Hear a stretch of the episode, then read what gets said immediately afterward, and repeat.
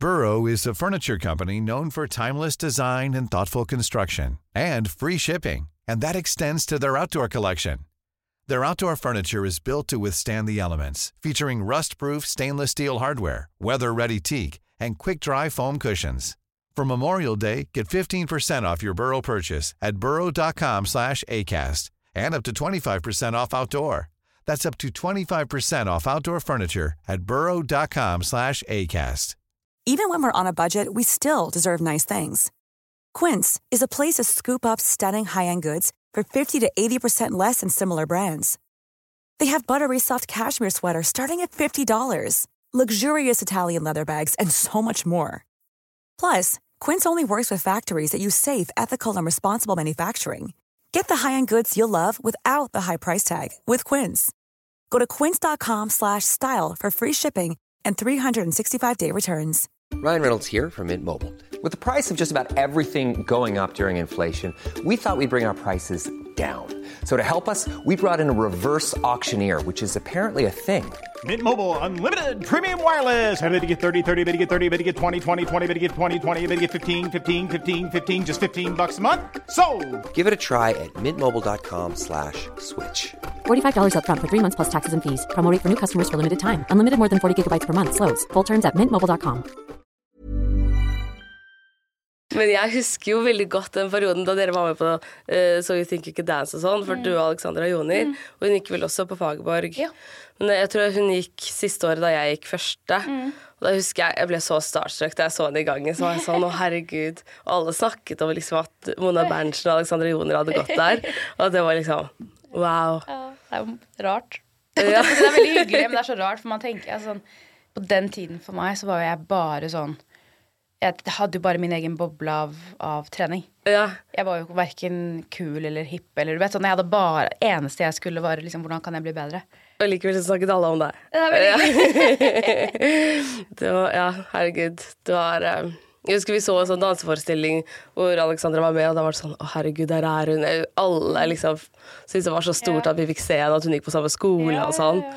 Ja, så det Folk var veldig stolte av dere. Men det er veldig moro. Vi skal snakke masse om dette. 730 betyr jo crazy. Hva er 730 i deg? Dette er 730.no, og jeg heter Mathilde Ullum. Velkommen til 730.no. Etter at hun vant So You Think You Can Dance som 18-åring, har hun jobbet som danser for store stjerner som Alicia Keys, Madonna, Justin Bieber, Chris Brown og Justin Timberlake. Nå er hun i studio med oss. Velkommen, Mona Berntsen. Hei, hei. Hei. Tusen takk for at du ville komme hit. Så hyggelig. Hvordan er, hvordan er livet ditt om dagen? Du, det er veldig bra. Jeg tenkte når jeg gikk her på morgenkvisten hvor ekstremt uh, vakkert Oslo er. Ja, Det er så ekstremt fint, og nå begynner jeg å høre fuglene kvitre òg. ja nå kommer våren. Ja. Ja, Du bor jo til vanlig i LA, eller har bodd veldig mange år i LA i hvert fall. Så vinteren er sikkert ikke Jeg har bodd der borte i tolv år, men nå har jeg vært hjemme og har basen min her nå. Og det å ha den vinteren vi har hatt nå, med den snøen ja, Vi har ikke tatt deg imot med åpne armer, akkurat. Jeg har tenkt sånn, det, har, Jeg husker ikke at det var Har det vært sånn siden jeg var liten, eller så har det bare vært sånn at jeg har vært barn, og pappa har måkt, liksom? Eller er det sånn noe som jeg bor selv og har, må måke og styre med Lære å kjøre bil på nytt, omtrent? Ja, det, er, det har vært litt verre denne vinteren. Men jeg har en teori at liksom, jo verre vinteren er, jo bedre blir sommeren. Vet du hva, det liker jeg. Ja, Det høres hvis- veldig bra ut. ja, for hvis vinteren har vært litt, sånn, litt varm og litt deilig, så da blir alltid sommeren litt kjedelig. Og masse regn. Nei, nei, nei, det er Men eh, ja, måke og sånn, har du, bor du i hus, eller? Ja. Ja. Jeg så at du hadde drevet og pusset opp Ja. eh, Det så ut som et hus, for det var flere etasjer. Og da pussa det opp fra liksom fra turné. Du vet hva, Det har vært det mest tullete jeg fant på. Men jeg tenkte sånn, nå skal jeg være borte, så slipper jeg å stå i det. Men det å ta visse valg, prøve å på en måte forberede alt før jeg skulle dra, til å være på avstand, har vært veldig rart. Men veldig, jeg føler meg veldig heldig òg, da. Men det har vært en helt vanvittig reise. Jeg vet ikke om du har pusset opp? Jeg. Nei. Nei, ok, alle som har det. Det er allerede Det er bare i seg selv et sånt svært prosjekt. Men å, takk Gud for gode fagmennesker og snille folk. Ja. Fordi det har vært, eh, ja, vært fantastisk, men det er eh, Nei, unnskyld, det har vært fantastisk og, og masse styr og masse greier, men det har også vært bra når man da har fine mennesker på andre siden, da. Ja, men jeg ser at du har FaceTime med håndverkere Ja, ja, som har gått inn og vist deg hvordan ting er. Ja, ja, ja. Og hvis du da ser at nei, det var ikke helt sånn det skulle være, så må det jo være ganske frustrerende å være på turné med Justin Bieber, og, Og så skal du inn på på øving. på scenen. Ja. Eller fra scenen. Nei, vet du hva, jeg har vært så heldig at de FaceTime-videoene jeg har fått, har vært mer glede enn noe annet. Ja, okay. Det har vært mer sånn å fy, er det sånn det blir? Hvordan blir dette live? Så det har vært gøy, da. At det heller har vært den veien. At eh, alt annet praktisk på en måte var, var mer sånn Jeg har kommet hjem, og så ser man at ok, skal jeg ikke begynne med sånne oppussingsord, for jeg har lært meg veldig mange ord. Som. Jeg har ikke, ikke tenkt på det. Jeg har begynt å snakke om fugemasse som om det er en sånn En helt annen ting. Nei da, men man, jeg har vært veldig heldig med det. Altså. Så FaceTime-sessionene mine har mest vært glede for å se sånn Oi, de flisene vi valgte sammen ble sånn til slutt. Så gøy. Så de som har jobbet i, eh, i hjemmet, da Vi har, føler jeg har blitt venner òg. Ja. med, med håndverkerne, og de er veldig fine mennesker, så jeg har vært så ekstremt heldig. Så jeg gleder meg jo nå til å få basen på plass, da, fordi jeg har jo bodd i koffert. Selv om jeg har bodd i LA, så har det vært mer en base. Um, I starten av karrieren så var jeg jo veldig der, altså, altså gjennom hele året. Jeg kom kun hjem en uke til jul. Og så da jeg begynte å turnere, så var jo LA kun sånn der vi trente. Og så har jeg bodd resten på hotell i flere år. I koffert, på en måte. Så det å nå ha en base sånn Dette er mine gafler. ja, men helt sånn rare ting. Sånn dette er Ok, nå skal jeg kjøpe de koppene, og det er mine. For det var det jeg tenkte, det her må være utrolig stort for deg, Ja, og ja. bare nå bygger du rede. Ja, sånn. ja, veldig. Det, ja, herregud. For du har flytta hjemmefra da du var 19, Mm. og da flytta du ikke bare liksom inn til byen i Oslo, men du er jo fra Oslo, men flytta liksom til LA alene. Og så mange hundre reisedager i året Mm. når man drar på turné. Jeg skjønner jo at det må være sykt digg å få seg en base i Oslo nå. Ja, og det er jeg jo ikke vant Altså nå er jeg blitt litt mer vant til det, men jeg var jo ikke vant til det i det hele tatt. Så det å dra fra Rede, da, fra mamma og pappa, som faktisk er litt utenfor Oslo, var i Bærum, Eiksmarka, til å flytte til Hollywood, hvor egentlig hele min drøm var å flytte til liksom Oslo. For jeg gikk jo på, på videregående i Oslo, var, og all treningen min var jo i byen. Men jeg, forbandt, jeg har bare forbundet byen med trening. Så alle minner og alt byen har vært for meg, har vært fra Mona 16 år som trener overalt. Så det å oppleve Oslo på nytt jo vært, er jo veldig fint, da. Men eh, drømte jo lenge om det livet om å bo i en leilighet i byen, kunne gå overalt. Oppleve bylivet, dra hjem. Venninneting som jeg aldri på en måte eh, fikk prioritert da, som ungjente. Å kunne ha det livet. Men eh, så begynte jeg å tenke tanken om å bygge dansestudio hjemme. Og da ble tanken om eh, Ja, måtte jeg prioritere litt, da. Så da fikk jeg bygd det, og flyttet litt ut. Og da, ja. Så lager et rede nå. Ja, Med dansestudio. Ja. Wow, grattis. Du er heldig der, altså, at pappa og onkler og familien Berntsen er i bransjen som kan hjelpe, altså. For der er jeg veldig heldig. Så da var det onkel fra Tromsø som kom ned i tre uker. Og pappa etter jobb som kom og bygde litt om, da. Så det var jeg veldig heldig med. Oi. Er de håndverkere? Du, de har vært det. Um, og kom fra en familie hvor bestefar også var det. Så alt vi på en måte i familien Berntsen-siden da har, har jo vært bygd derfra. Jeg har ikke noe sånn Hva skal man si um, Fått det med meg. Det har ikke blitt smittet ned til meg. Men uh, veldig familie som er kjempeflinke på alt, altså. Så de kan jo alt. Så det var veldig heldig at onkel hadde mulighet til å flytte ned inn til meg i tre uker. Og, Ja. Så da samarbeidet de og styrte og og for å få det på plass, da. Så det har vært veldig gøy at det er at de som har bygd studio nede. Um, Ja, det skjønner jeg. ja. Og det er jo ikke, det var jo sånn at da skulle jeg være med og rive vegger og da var onkel sånn at ta noe på det, han skal noe få Altså da var det over. liksom, da skulle alt, da skulle jeg skulle være med.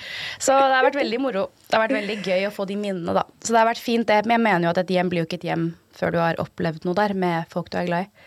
Ja, og det er helt sant. Når er det du får flyttet ordentlig inn? Du, jeg bor jo der nå. Ja, du bor der nå? Ja, ja, ja. Og det også er en greie, vet du. Å bo i sånne halvferdige greier. Ja, det, Men nå, nå har det kommet til altså, nå blir jo mest interiørbiten som er igjen, og det syns jeg er veldig spennende. ja, det kan jeg se for meg. Du er jo kreativ, så da kanskje det er den morsomme delen. ja, veldig gøy, og jeg syns jo alt som handler om enten fashion eller interiør eller hva enn det er, er jo en forlengelse av personlighet, så jeg ønsker at det skal være lunt og varmt, og at man ser at det er jeg som bor der, men jeg mener jo fortsatt at det viktigste i et hjem er menneskene som til slutt lager minnene, og det kommer nok fra at jeg har bodd så mange steder og bodd veldig sånn halvveis, og veldig Alt har vært temporary i mitt liv. Alle boliger, alle steder, nesten. Noen ganger, ikke for å dra det helt på sånn trist side, men veldig ofte mennesker òg. Alt har vært temporary i jobber. Så det å nå lage en base hvor jeg forhåpentligvis kan åpne dører og lage fine minner, da, det gleder jeg meg til, for det har jeg ikke hatt siden barndommen. på en måte. Så det Hvordan er det når du skal møte mennesker som du skal jobbe med i to måneder, og så har man den liksom, tanken bak at det kommer til å være midlertidig? Um, jeg tror med tid så ble det det. I starten syns jeg det var helt eh, rart, fordi jeg kom fra et dansemiljø i Norge som var veldig sammensveisa. Jeg kom fra både danseklassemiljø, vanlig danseskole, jazzmiljø, til et crew hvor man til slutt ble ikke bare treningspartner, men familie. Um, til at hvis en ikke var der, så blir du spurt etter. Man er på en måte en gjeng, da. Og du tilhører et sted, til å plutselig være i LA hvor ingen Altså, du har, ingen har ansvar Du har ikke noe ansvar Altså ingenting. Det er ingen som spør jeg, hvor du er hvis nei, du ikke nei, møter nei. opp. Hvis ikke jeg møter opp Altså, du har alt ansvar for deg selv, og det er jo ikke som at du har et fagmiljø hvor jeg gikk på en skole hvor jeg har et, et uh, pensum jeg skal gjennom, og de og de klassene, så noen spør etter meg, da, eller har ansvaret for å lære meg. Da er det kun meg selv som må lage min egen timeplan og møte opp der jeg skal. Og, og da blir det veldig sånn, eller for meg da, så var det jo veldig sånn Å, jeg har lyst til å skape det jeg hadde. Eh, Jeg, tok jo, jeg innså jo da at jeg tok jo alt for gitt hjemme. Og det er jo den typiske når jeg har hatt en barndom, en ungdomstid og en treningstid i Norge, at du snur deg ikke rundt og tenker 'å, så heldig jeg er som har disse fire vennene mine', eller disse 16 stykkene i crew. Det er bare de, det er de du ser hver dag. Um, og fikk en ekstrem takknemlighet for det, men da følte jeg meg veldig alene. Veldig fort. Du var mye ensom. Ja, veldig. Veldig. Og gikk på en smell der, og det bare viste for meg sånn Du kan ha en lidenskap, du kan ha et potensial og et talent, men det hjelper ikke hvis du ikke har det bra. Og hvor mye det treffer, da. Men, men altså, vi er bare mennesker, og vi er flokkdyr, og du er til slutt avhengig av noe form for sosial sånn glede, da. Eller bare småglimt i hverdagen som jeg plutselig var helt strippet for. Og det var ikke noe synd på meg, men jeg fikk en sånn reality check på sånn Fy, du har hatt det bra. Sånn bare på sånn privaten. Du har hatt, hatt blitt så verna om at du har hatt muligheten til å trene på det nivået du har kunnet, fordi du hadde ikke noe annet i livet som var komplisert. Du hadde gode venner rundt deg, du hadde mennesker som brydde seg om deg, og trener ikke minst, som ville deg det beste, da. Til at jeg plutselig nå sto og er sånn Å ja, hvis ikke noen hører fra meg, så er det ingen som vet hvor jeg er. Ingen. Og jeg er på andre siden av verden. Og så ble jeg en veldig sånn reality check i en alder av 1920 hvor jeg var sånn eh, Det gikk veldig utover alt annet, da. Det å skulle da prøve å prestere og trene og gå på fem auditions om dagen og prøve å øh, finne ut av noe jeg kanskje ikke helt visste om jeg var eller ikke. Hadde du lyst til å gi opp? Um, jeg lyver veldig hvis jeg sier at alt gikk på en måte Nei, altså ja. Jeg var jo lenge en stund der hvor jeg var sånn Dette er ikke uh, Hvorfor gjør jeg Jeg stilte veldig store spørsmål om hva er det jeg vil, hvorfor gjør jeg det, er det verdt det? Fordi dansegleden og lidenskapen har alltid vært der for meg siden jeg Jeg kan ikke huske å ikke ha hatt det. Så hele livet mitt har det vært der, og det har vært det ene som har vært sånn unquestionable. Det har vært så sterkt. Og så har resten måttet på en måte Et ungdomslivet, hvem er det identitetstingen man alltid har gjennom hele livet, tror jeg egentlig. Um, og så hvem er jeg i den vendingen, Hvem er jeg der? Hvem er jeg på trening der? Hvem er jeg på Fagerborg? Hvem er jeg i Create? Altså alle stedene jeg har vært. Og så plutselig ende opp i Statene og være sånn ok, nå er jeg i Hollywood. Jeg har blitt signert. Nå skal jeg vise både egentlig mest av alt egentlig alle trenere som har em, brukt tid på meg og krefter på å lære meg og gitt meg muligheten, og alle de før meg som har banet vei til at jeg nå kan stå i Statene som en jente fra Norge. Nå står i Statene signert og har alle mulighetene foran meg. Og en familie fra nord og Marokko som må det å forklare at det å satse dans er noe man kan, som ikke jeg vet om man kan eller ikke. Det å prøve å da vite sånn Det presset var noe jeg satte på meg selv, da. At jeg var sånn Nå må jeg bevise at det går, og så står jeg der som én jente av 800 hver audition og er sånn Jeg har ikke peiling på om det her går. Er jeg flink nok? Er jeg ikke flink nok? Og så innse at alle er dritgode. Alle er gode. Og hvem er jeg oppi det? Hva betyr det? Og hva betyr det for lidenskapen min? Skal jeg stå og sammenligne meg selv? Hva, hva, hva skal jeg Og så ble plutselig fokuset på veldig mye annet enn det som egentlig jeg har fokusert på, da. Jeg har jo kun fokusert på hvor god kan jeg bli med det potensialet jeg har? Og det er det som har vært min lidenskap. Hvordan manifesterte det presset seg? Det ble ganske sterkt, for jeg var sånn ok, nå må jeg vise min, min familie at det går, fordi jeg hva skal man si, gikk det løpet hvor man skulle være Ikke man skulle, jeg skulle være god på skolen. Jeg skulle ha noe som var konkret, og noe som var fast, og noe som var noe bra jeg kunne utvikle meg i, og den veien som var viktig og riktig, da. Og spesielt på den tiden. Man, på den tiden følte ikke jeg at det var noe sånn å ja, kreative yrker er noe man skal tørre å kanskje gå i. Det var jo mer sånn dette er ikke trygt, hva er det her for noe? Det var så vidt dansejobber på den tiden. Det var jo ikke banet vei enda eh, for at det var en selvfølge at fantes, den kommersielle verden. Det var, det var der, men det var fortsatt veldig lite da på verdensbasis. Ehm, stort i noen bilder, men lite i forhold til at verden var sånn. Og ja, og det å satse dans, det er en vanlig ting. Da var det mer du skal utdanne deg, bli enten pedagog eller da de, store kompaniene. Kommer du inn på de store kompaniene eller operaen, da har du noe som er statlig akseptert, hvis du skjønner, enn den derre verden jeg ville satse, da.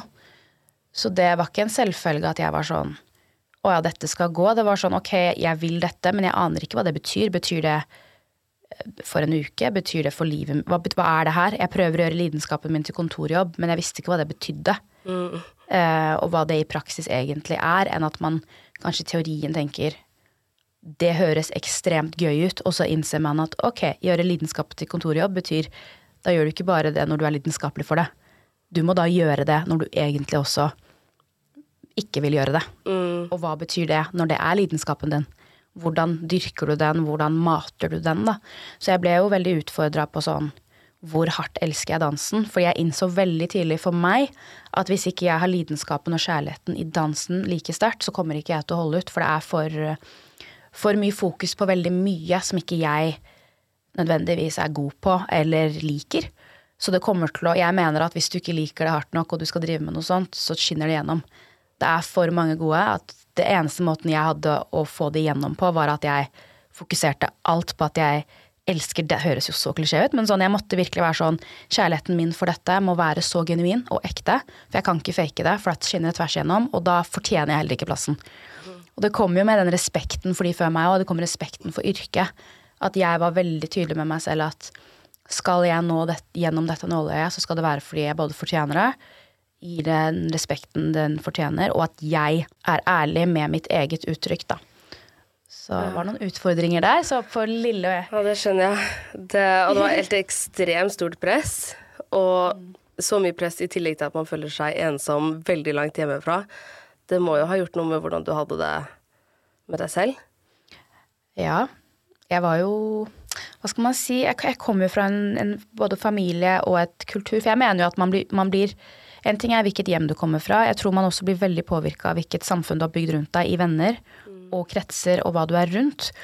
Og jeg hadde ikke vært utøveren jeg er uten de jeg har trent med, blitt trent av, og de jeg trente ved siden av. Jeg mener jo at jeg har jo lært like mye av de som trente meg, som de som altså trente meg som altså var trenerne mine, blandet med de som trente ved siden av meg. Fordi det pushet, hvor ekstremt dyktige de rundt meg var, trenerne mine, det at de faktisk utfordret meg i så ung alder, satt meg i rom som 13-åring med mennesker som var både dobbelt så gamle som meg, eh, og dobbelt så gode Altså, nei, mye, mye bedre. Altså, var så gode at jeg Jeg sleit jo, men utfordret meg på at det var sånn Her, vær så god, nå skal du lære. Og jeg fikk lært av så dyktige mennesker. Um, gjorde jeg at jeg også følte på en sånn Jeg skylder alle som har vært opp gjennom min karriere, å virkelig prøve. Og virkelig prøve da for meg mente ikke da bare at jeg skal ok, nå skal jeg gå og naile disse auditionene. Det var sånn jeg skal være så Jeg skal føle alle de menneskene gjennom meg, og føle at jeg eh, gir det en ordentlig sjanse. Og det var ikke Det var aldri et alternativ å gi opp. Det var mer det at jeg var sånn Det er så hardt at jeg vet ikke om det går, og går det ikke, men jeg har prøvd alt jeg kan. Så er det fair. Og da kan ikke jeg, når man da har valgt et yrke hvor andre må velge deg, for det er det det blir, andre må jo velge meg og gi meg muligheten, så er jo det komplisert, for det er bare så, så Jeg måtte jo lære meg sånn Hva kan jeg kontrollere? Hva kan jeg ikke kontrollere? Og så ta full styring over det jeg kan kontrollere. Og det er da treningen min, helsa mi, lykken min, eh, hverdagen min, alt rundt, det kan jeg kontrollere. Hvem som velger meg, hvor jeg passer inn, det kan ikke jeg velge. Det må jeg la være til um, andre. Det er tungt, men det er til slutt, hvis du velger et yrke hvor andre må velge deg, så er det det man må, eller jeg måtte gjøre, da. Og så er det noe du ikke kan styre. Men alt du kan styre selv, det var jeg sånn, ok, men da må jeg prøve å gjøre alt jeg kan for å gjøre det så godt jeg klarer, da. Sånn, sørge for at all treningen min er on point, og at det ikke er Det er ikke på det, men samtidig så skaper det også en usikkerhet, for du kommer jo på disse auditionene, og du får ikke noe Du får ikke noe konstruktiv kritikk. Det er et privilegium jeg var vant til fra, fra Norge, ved at du har trenere som da er Jobben deres er å trene deg. Og de bryr seg også nok til at de vil trene deg. Så de bruker jo av sin trening på å trene deg, og det er et så privilegium at da jeg landa der borte, og det er sånn du er på en audition, og du får ikke noe annet enn nei. Så er det sånn Eller kanskje ikke et svar engang. Nei, det er ikke et svar engang. Du får bare sånn ok, hva, hva, hva skal jeg jobbe på, hva skal jeg gjøre? Så må du bli din egen trener og tenke ok, men da må jeg bare sørge for at jeg er sharpere, bedre, hvor mye mer kan jeg trene? Har jeg sovet nok egentlig for den audition? Er jeg on point? Har jeg spist nok? Hadde jeg styrken? Altså det er så mye du må da ta inn over deg, da. Men, Å, eh, men eh, Nei, så de, de som har banet vei for meg, er jo herfra. Og det er jeg så stolt av òg, at treningen min er fra Norge. Det må jeg si, det er jeg stolt av. Yeah. At jeg trente her med, med norske pedagoger, og så ble signa, og ikke andre vei. Men trente jo i USA noen somrer fra jeg var 16, fordi en trener her tok meg med. Så det er jo så mange, det er det jeg mener, at man er ikke alene i den verden. Altså sånn alle, alle sånne chains of reactions på en måte har noe å si, da. Med hvilken vei man til slutt velger. Så jeg har vært veldig ekstremt heldig med det. Så det mm, ja, føler jeg er en veldig stor del av reisen min, da. Jeg hørte at du fortalte at uh, måten man trente på før, og det er jo ikke så lenge siden, men ting har endret seg veldig mye. At før så reiste kanskje en koreograf ned til Berlin eller London og lærte seg en ny dansestil, mm. og så tok man det tilbake til Norge, og så lærte man resten av crewet hvordan det funket. Men nå så ser man det jo bare på YouTube-videoer og sånn, ja, det er sånn, og så trener man, så nå er det jo mye mer tilgjengelig. Tror du at du hadde vært et annet sted hvis du hadde vokst opp bare noen år senere? Det er et veldig interessant spørsmål, fordi jeg tror når man vokser opp i det man vokser opp i, så vet man ikke noe annet. Nei. Så det hvis man, er vokst, hvis man vokser opp nå, og det er tilgjengelig, så tenker man ikke på sånn å ja, for ti år siden så hadde du ikke mulighet engang til å se disse stilene, eller lære av, av de som faktisk lagde stilene. Da måtte du til New York og møte dem. Og hvis du var heldig, så du altså hvordan skal man få mulighet til å dra til New York, på en måte. Så den tilgjengeligheten tror jeg man er sånn de som er vok vokser opp nå, er privilegert, men de vet ikke. Så det er ikke som at de er sånn Å, vi som er eldre, må, eller jeg da, må si sånn Å, du må være takknemlig, for dette har du ikke. De vet ikke noe annet. Jeg som da er født i en tid hvor, hvor det var det. I crewet vårt så var det noen som dro til Paris, lærte house og voging og Wacken. kom tilbake, lærte oss. Vi dro til New York, lærte hiphop og house derfra. Kom hjem igjen, lærte crewet videre.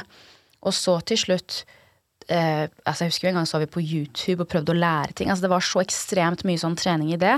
Men det som jeg merka veldig, som er kanskje forskjell fra nå, det er at du hadde ingen mulighet til å vise deg fram med mindre du var heldig til å komme i rommet med dem. Så bare auditionprosessen var jo annerledes i min tid. Jeg husker jo så godt hvor det var sånn altså, for å si det, da. Min første turné med Chris Brown, så hadde vi ikke Instagram. Min første turné. Så det at vi stelte oss opp før liksom, startskuddet og tok bilde sånn, som en assistent av han tok, før vi skulle på, så fikk vi det tilsendt på mail etter det han ble trykka det opp, er jo helt rart. Når det var i 2011. Ja, men du hva jeg mener. Nå, nå er det helt rart. Andre turneen jeg gjorde med han, så fikk han Instagram, og så fikk vi etter hvert. Men det var jo en tid hvor det da, for å kunne ha muligheten for å bli sett og vurdert, så måtte du også da være signert, få muligheten til å komme på den auditionen, få lov til å få et, et sånt startnummer. Og det var ikke en selvfølge heller. Så det var ikke den Ok, nå kan jeg bruke en plattform, bruke videoer på å bli sett. Forhåpentligvis, kanskje ikke. ikke sant?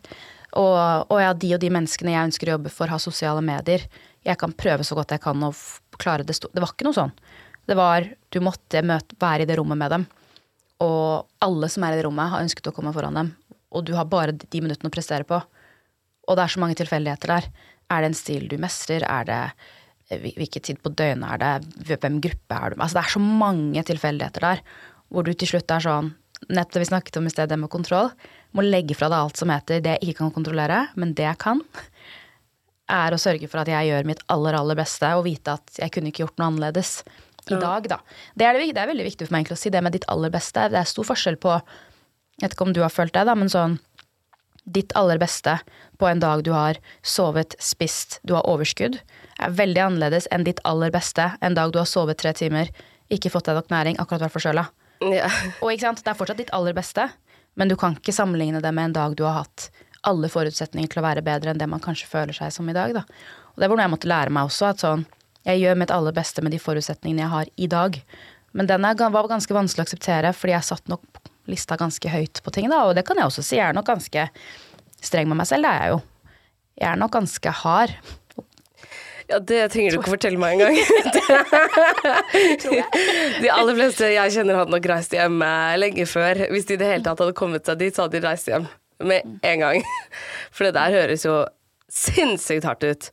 Og da Og så en annen ting er jo at du Da du reiste til LA, så var jo du allerede kjent i Norge, du var dritsvær og flink, og, og så reiser man til LA, og som du sa, så plutselig er alle like gode. Det må jo også ha føltes litt rart. Vet du hva? Det med, det med Altså sånn potensial i talent, det var ikke det. Det var mer den usikkerheten, fordi det jeg dro fra For jeg har nok vært en av Altså, jeg har vært veldig sånn som det å være dårligst i et rom. Har jeg nesten alltid følt meg som. Og jeg vet at hadde jeg ikke vært dårligst i et rom, så hadde ikke jeg blitt utøveren jeg er. Så jeg har så respekt for det. For at hvis du er på et høyere nivå i rommet, så er du i feil rom, og det mener jeg. Mm. Sånn, hvis, du ikke har, hvis du føler at du er på toppen, så kan alle andre lære av deg. Du har ingen andre, da, da er du i feil rom. Da utvikler du deg ikke. Du kommer til å stagnere, og du står stille, og du kommer til å leve på, et, på en, en type egoboost som er fake, som ikke gjør noe for deg. Sorry, nå er jeg kanskje hard Nei, på det. jeg er så enig, da. Men jeg Det- mener at det bare Det er noe med innstillingen din nå. At hvis, det, hvis man tenker at du er bedre enn alle andre, eller at ingen har noe å lære deg, så tenker du jo feil. For det er jo veldig sjelden at noen ikke har noe å lære deg. Nei, du kan lære av alle. Men eh, Og, ja, ja. kanskje ikke helt det samme med dans, da, for det er jo det er begrenset hva jeg kan lære deg, Mona. Det, Jo, men, nei, men, jo, jo, vet du hva, virkelig. For på menneskelig nivå så føler jeg at som danseutøver, da Ja, rent teknisk så er det visse ting, men på en annen måte så er dansing Det er jo en formidlingsmåte. Du bruker jo kroppsspråket ditt på å formidle følelser, og der kan du lære av alle. Altså, jeg har lært av en mann som sitter og leser en bok på en stol. Nå høres jeg veldig typisk dramatisk ut, liksom. Men virkelig, jeg er jo nerd i faget mitt, da. Og mener at du kan lære av alt og alle. Se på kids leke, liksom. Eller se på kids danse til musikk. Den friheten, den kan du ikke fake, og den mister du ofte når du begynner på hardtrening. Ikke sant? Så den der å bli påminnet i mennesker rundt deg, da, den er viktig, som, som du nevner, da. ja. Men den Den eh, Jeg tror nok den derre Den å være Ikke være redd for å være dårlig. For etter hvert så tror jeg man blir så hard mot seg selv at man, man er vant til å på en måte mestre noe. Og man, man, det adrenalinet i å mestre er veldig Den er veldig fin og veldig bra, men blir du avhengig av den, så er det enklere å gi seg på nederlaget sitt enn å vite at hvis ikke jeg har noe nederlag, så blir jeg ikke bedre. Og virkelig akseptere at det er i nederlagene man blir gode. Gud, nå er det så mye quotes ute og går. Det er dritflaut. Men, men det, er, det er det, og spesielt i, i et hva skal man si, målbart yrke, da, hvor man, hvor man hele tiden kan utvikle seg, og du til slutt må finne nye veier å uttrykke deg og bruke vokabulæret ditt. Da, setningsoppbygging i dansen, på en måte. Og være ok med at, at Sånn som det jeg tror var vanskeligst for meg, var det i Norge. Ja, jeg hadde bygd meg opp. Sikkerhetsnettet mitt i mennesker var nok det mest Det som forandret seg mest for meg. Det var absolutt det som var tyngst. Um, og så ble det det at jeg hadde utviklet meg nok til at jeg også satt med jobber. Jeg satt med kontrakter og jobber, og så sa jeg nei til det for å dra med en koffert og en drøm uten noe. Den var vanskelig i en alder av, av 1920, hvor jeg var sånn Ok, men rent smart nå også. Nå er det fantastiske jobber jeg har fått muligheter til. Med helt utrolige koreografer og regissører jeg kan lære masse av. Og det er fast gig i flere år nå. Å si nei til det kun for at jeg har blitt signert og får en mulighet i USA, det er nok det som var tyngst også. Det er rent sånn Ok, men hvis jobben min er å jobbe som danser, så er det ikke dette da som er målet? Det å få kontrakt og jobb? Til å være sånn nei, men ok, nå har jeg blitt signert, nå skal jeg dit. Og satse der. Hvorfor var det mer riktig enn det andre? Og mener, altså For meg med dans er det sånn, det er så mange veier du kan gå. Du kan velge eh, kompanier, cruise, du kan velge underground battle-scenen, du kan velge altså, jobbe i operaen, carte blanche, Oslo Dansensemble. Det er så mange ting du kan gjøre. Kompaniverden, Broadway etter hvert. Og så å undervise, den community-biten der må være den mest givende. det Altså det er jo der nesten alle danserne er. Hvis man skal dele det opp, så er det jo der kanskje 80% av dansere er. Er den biten og den community-biten, og hvor sterk den er, da. Den menneskelige biten. Det er nettopp det. Den menneskelige, rene gleden, da. Uh, og så skulle jeg da velge et yrke som er så lite og så snevert og så tullete. Nei da. men, men det å da skulle satse på det uten å ha noe trygt Og så sa du nei til det? Ja, så jeg sa nei til den delen jeg elsket og, og var trygg på, og også utfordringer og muligheter i jobb her, til å være sånn at nå skal jeg gå og prøve et sted jeg er dårligst, da, kanskje. Og det var kanskje det jeg etter hvert ble avhengig av, den der å være dårligst og prøve å se om jeg får det til. Jeg vet ikke.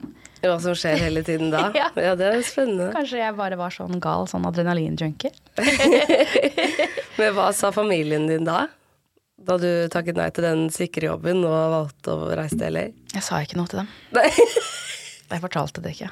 Jeg fortalte jo ikke det. Nei. Jeg sa bare det at jeg ble signert. og måtte finne ut av om jeg skulle flytte eller ikke. For at det å legge alle kortene på bordet der føltes for sånn blottlagt ut. Å si ok, nå er dette jobber der. Og det, altså sånn, det, ble, det, ble, for mye for meg å skulle dele alt det. Det ble mer det at det var sånn ok, nå er jeg signert. Det betyr da må jeg satse, dvs. Si slutte på skole. Mm. Reise altså sånn, jeg må bli ferdig med de forestillingene jeg var en del av. Um, og jeg må altså, ansette en advokat i USA og prøve å finne ut av det livet her. Og så må jeg jo gå og prøve, og jeg vet ikke hva det betyr. Flytte til et helt annet land og kontinent og kultur og system. Um, så familien, selvfølgelig, de var jo Besteforeldrene mine på begge sider, de var nok mer sånn hva betyr dette? Skal, ja. skal hun ikke bli lege? Nei da. ja, men sånn den, der, den forståelsen for at yrket ikke helt finnes som et jeg vil ikke si respektfullt yrke, men, men, men en, et stødig yrke. Mm. Det er så lite nåløye at jeg skjønner at de som bryr seg mest om meg i hele verden, blir sånn Men skal hun være i et annet kontinent alene og prøve seg på et yrke som egentlig ikke er lagt opp for at hun skal få til? Er dette smart? At de stiller seg de spørsmålene, har jeg full forståelse for foreldrene mine var nok uh, De og de som har bodd med meg og sett, meg, altså, sett levd med meg, da. Og sett hvor mye jeg har ofret og gitt inn i treningen. Så jeg husker da pappa var jo veldig sånn Selv om igjen, de er jo oppdratt av sine foreldre igjen, og syns jo det er veldig viktig å, å gjøre det mine besteforeldre syns var riktig. De kommer fra den generasjonen. Men det at pappa sa til meg sånn Mona, du er en jente fra Eiksmarka, du har blitt signert i Statene, du har fått en mulighet Dropp alt. Gå og prøv alt du kan. Får du det ikke til, eller du ikke trives, så kommer du hjem, og så går du skolen, og du gjør en annen vei, men du må virkelig prøve. Og jeg vet ikke hvordan jeg hadde vært om ikke pappa hadde sagt det. Om ikke den støtten i at Den bekreftelsen i at jo, gjør dette. Finn ut av det. Skolen er her hvis du ikke får det til, eller du ikke trives, eller hva enn som skulle skjedd. Det vet jeg ikke hvordan jeg hadde vært om det skulle vært total motstand fra dem. Og det viser jo da igjen hvor mye av det chain reaction, altså hvor mye det har å si med mennesker rundt seg. At igjen, flokkdyr, du mm. blir til slutt avhengig av en sånn um, støtte eller kjærlighet eller ikke. Og hvem vet, hadde jeg kanskje ikke hatt noe støtte fra noen. Hadde jeg gjort det, hadde jeg ikke. Jo, det hadde jo nok gjort det. Men det hadde kanskje vært veldig annerledes. Ja. Det hadde kanskje vært annerledes. Jeg hadde ikke hatt da en far og en mor på andre siden av telefonen og Skype som sitter og støtter og håper og sier at vi er glad i deg, kom igjen, liksom. Det gjør jo noe med en, da. Mm. Så var heldig der. Men selvfølgelig skjønner jeg da når farmor i nord er sånn Kom nå hjem fra Amerika, liksom. Altså, det var så langt borte. Det var Amerika da, vet du. Det var jo ikke, det var jo ikke USA eller uh, liksom overseas. Det her var Amerika, fordi det var også på et punkt eh, og en, en generasjon nå skjønner jo ikke det. Og det skjønner jeg godt, fordi det har skjedd så fort. Men på den tiden var det jo sånn, foreldrene mine hadde aldri vært i USA. Og så skulle jeg flytte, ikke til byen, men til andre siden av kloden, hvor de kan ikke hjelpe meg. Sånn, jeg plutselig ringer hjem, og pappa jeg bare ja, pappa, jeg har fått sånn sjekkhefte, og kan du hjelpe, hva, hva gjør man? Han er sånn, har du sjekkhefte? Så sånn, ja, det var det jeg De hadde jo ikke kort, bankkort der engang. Jo, vet du, jeg hadde faktisk bankkort i staten, oh, ja. da, men jeg hadde sjekk, jeg betalte alle, all min husleie og sånn med sjekkhefte. Ja. Og det var, for jeg ringte jo hjem og var sånn pappa, ok, jeg skal betale. Så jeg har fått sånn sjekkhefte som jeg har i veska, og han var sånn Hæ, sjekkhefte? Det drev faren hans med igjen på sin tid. Ikke sant? Ja, men det var bare, Så det var en helt annen Så igjen det at mine foreldre da heller ikke kunne hjelpe meg med den hverdagen der, ble jo det at jeg var alene med alt. Altså jeg måtte jo lære meg Altså det er et helt annet system. Så det ble jo det, det som er rart med alt sammen, at jeg ble jo vant til det amerikanske systemet. Sånn det å være hos DMV-en, som er hva heter det, norsk sånn trafika, hva heter det i Norge? Og jeg, sånn når du skal få førerkort. Førerkort og bare ja. altså sånn Og hva heter det? Trafikkstasjon? Ikke sant, sånne ting. Jeg var jo vant til amerikansk DMV, jeg var vant til amerikansk sånn altså banksystem, eh, alle, alle regningssystem, telefonsystem. Jeg var vant til alle typer systemer. Når jeg flytter hjemmefra og blir vant til et amerikansk legesystem, gud, det er en helt annen greie. Jeg ble vant til alt det og blir på en måte voksen i et amerikansk system. Og eh, for å fortelle det, da, at når du jobber i statene, så lever du jo som en amerikaner. Med mindre du jobber for Norge i USA, så jobber du som en amerikaner. Eh, så jeg ble jo vant til dette, så jeg kommer jo hjem til Norge og skal til fastlegen. Var på sånn vanlig helsesjekk. Jeg var sånn, La meg ta sånn helsesjekk her i Norge. Det må kanskje være litt rimeligere, jeg vet ikke, men jeg går og tar helsesjekk i Norge. Jeg tar masse blodprøver og sånn. Og så kommer jeg først ut av legekontoret, og det har vært fastlegen min siden jeg var barn. på en måte. Og samme kontor og sånn. Jeg går fortsatt til fastlegen hjemme i, Bærum. og så kom jeg ut, ut i resepsjonen der, og så var det sånn datamaskin. Og man skulle trykke fødselsnummer, og så betaler man. Nå høres jeg ut som en sånn gammel dame, men det var ikke sant. Det hadde jeg vært i staten, det var ikke sånn der. Der er det sånn masse papirarbeid og masse hytt og pinne. Så kommer jeg dit, så skal jeg betale, og så syns jeg summen var så ekstremt liten for alle de prøvene jeg gjorde. For da gjorde jeg sånn full sånn sjekk. Det var jo så mye blodprøver at jeg vet ikke. Så jeg går til hun i resepsjonen som, jeg, som typ nesten ikke trenger å sikkert snakke med noen av oss, da. Fordi det er jo den maskinen man betaler fra. Så jeg er sånn, ja unnskyld, det er noe galt med den maskinen. Jeg gjorde jo masse prøver. Så den er ikke riktig. Så hun bare, men hva mener du? Så jeg, det står bare, hva er det det koster, 280 eller 300 eller et eller annet sånt. Og jeg, jeg bare, ja, hun bare, nei, det er egenandelen din. Så var jeg sånn, egenandel? Hva skal ikke jeg betale for? For jeg var så vant i USA. Det er ikke tull engang. Det er så dyrt for alt du gjør der med lege. Alt som heter doctor's office. Altså, det er så dyrt at jeg var så vant til en helt annen type sånn sparing og sum på den tiden at det er sånn ok, nå skal jeg bare gå og få det sjekka. Det betyr det og det og det. Ja, du hører om folk som ikke tør å sjekke seg hos legen, for det er så dyrt. Ja, altså jeg har jo hatt venninner som har det, det er helt sykt å si, det er veldig trist, og det er helt rart hvor, hvor ekstremt sånn du blir det du er rundt. Jeg ble jo sånn selv. Hun hadde øh, Hun krasjet bilen sin og ble krasja i. Og så ringer hun meg fra Uberen. Fordi hun Ubera fra ulykkesstedet til sykehuset. Nei. Hvor, ikke sant? Jeg reagerte ikke engang. Jeg var sånn, ja, ok, greit, da går det bra, jeg møter deg, bla, bla, bla. Og så begynte jeg etterpå, da jeg fortalte det hjemme, hvor det var sånn, men hvorfor ringte hun ikke sykebil? Hva skjedde? Så var jeg sånn, nei, er sant, hvorfor ringte hun ikke sykebil? Nei, det, det koster jo så og så mye, uansett. Og at det er en tanke, det hadde aldri skjedd i Norge. Bank i bordet, noen har en ulykke, og du ubrer til sykehuset av at du skal ikke ringe sykebil. Så det er helt rart hvordan du blir i hodet av, av samfunnet du er rundt. da. Og hvor jeg kommer hjem og skal begynne å eh, jobbe mer i Norge og være mer i Norge, og er da på legekontor, i bank, skal kjøpe bolig i Norge. Få mye mer system i Norge. Hvor jeg ringer pappa og er sånn Herregud, jeg hadde drithyggelig møte i banken. Folk er så Altså, det er jo så altså, Alt er jo lagd for at du skal eie her. Å ja, så bra. Samfunnet er jo laget for at du skal ha det bra. Jeg var jo så takknemlig. Sånn, jeg kom jo hjem og var sånn herregud, Norge. Nei, er det sant? Er det sånn det er? Ikke sant? Måtte jo lære meg norsk system og ble sånn Wow! fikk jo helt sånn eh, Ja, ble veldig sånn Fikk bakoversveis over ekstremt bra system vi har i Norge. Men igjen, ikke sant? USA har veldig mye bra, men som, som ungjente å flytte og bli vant til et system der, da. Så jeg kom jo hjem med sjekkhefte og var sånn, ja, skal ikke DNB gi meg sjekkhefte? Er det ikke sånn? Skal ikke vi også ha det sånn med husleiene våre? Er det noe du savner fra LA? Å, det er masse jeg savner. Det er det. Men det er altså sånn Det å bli voksen i et land, jeg tror uansett hvilket land du hadde valgt deg, sånn tolv år er lenge, og fra jeg var 20 til 32, det er mange år med liv, at jeg er nok kanskje mer hjemme i LA, men det er også fordi jeg har bodd der så lenge, så jeg har nok respekten for det. At jeg skjønner det. Mitt voksne liv har jo vært der, og jeg har vært alene og måttet stå i mye, og så blitt glad der og lykkelig der og funnet et hjem. Så jeg tror nok Norge for meg er nok fortsatt hjem i mennesker. Sånn hjemme i menneskene jeg er glad i. Men jeg er nok ikke helt hjemme enda. Men jeg er veldig sånn tydelig på at jeg vil jo det. Jeg skjønner at den prosessen jeg var gjennom i LA, må jeg nok gjennom her. Men som voksen dame, sånn hvem er jeg i Norge, hvem er jeg i Oslo, hva liker jeg å gjøre? Og hva syns jeg er fint her? Hvordan er hverdagen min her i Oslo, da?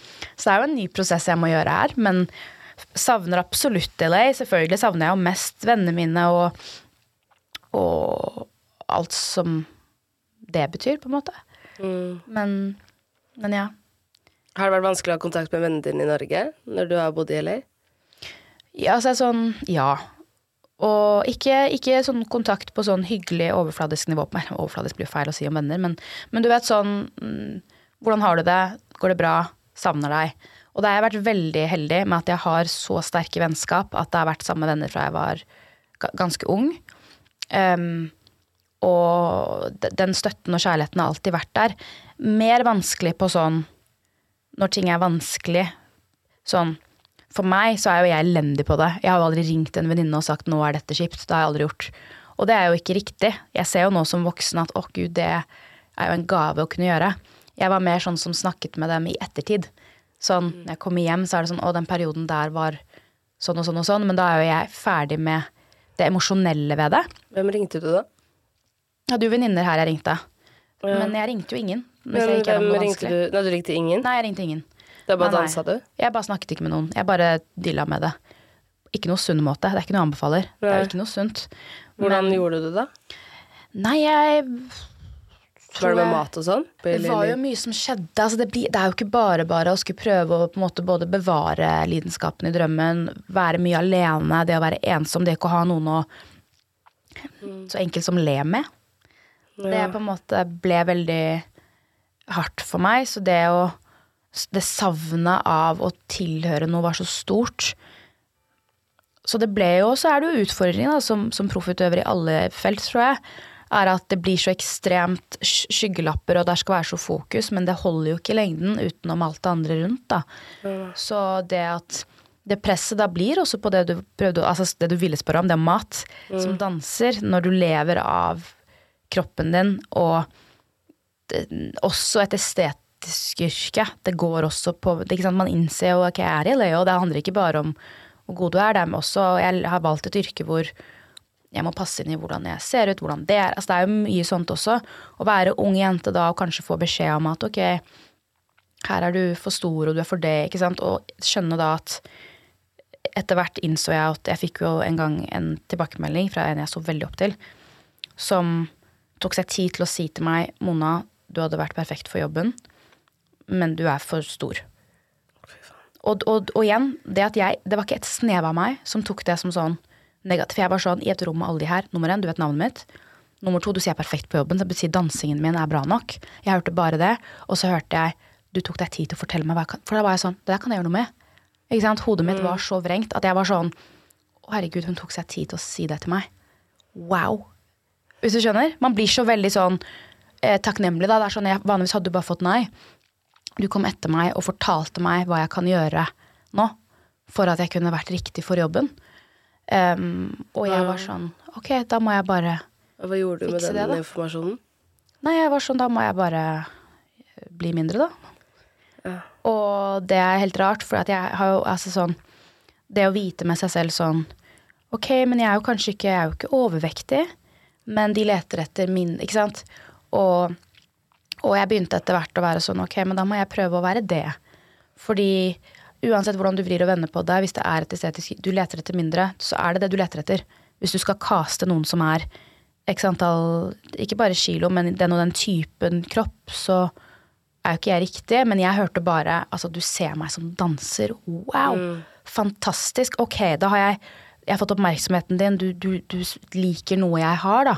Men den delen som jeg eh, Den delen der funker ikke ennå. Men så kommer den kontrollbiten inn hvor jeg var sånn Men det kan jeg jo kontrollere. Og, igjen, og da kan det også bli sykt. For da ble det sånn Ok, men da må jeg bare kutte og bli mindre, da. Og så var det jo også snakk om økonomi på et punkt, som proffutøver. Fordi det er veldig Det er ikke alle vet at når du har det visumet jeg har, og du reiser som på et artistvisum hvor du da er eh, booket Altså sånn Du har fått et visum for å satse på det du kan, så kan du ikke jobbe som noe annet heller. Lovlig. Så jeg har ikke lov til å ta noe jobbe ved siden av for å få livet til å fungere. Så du lever veldig sånn Eller ikke du lever, jeg levde veldig sånn Ok, jeg har dette, jeg har spart opp dette, hvor lenge kan jeg leve på det?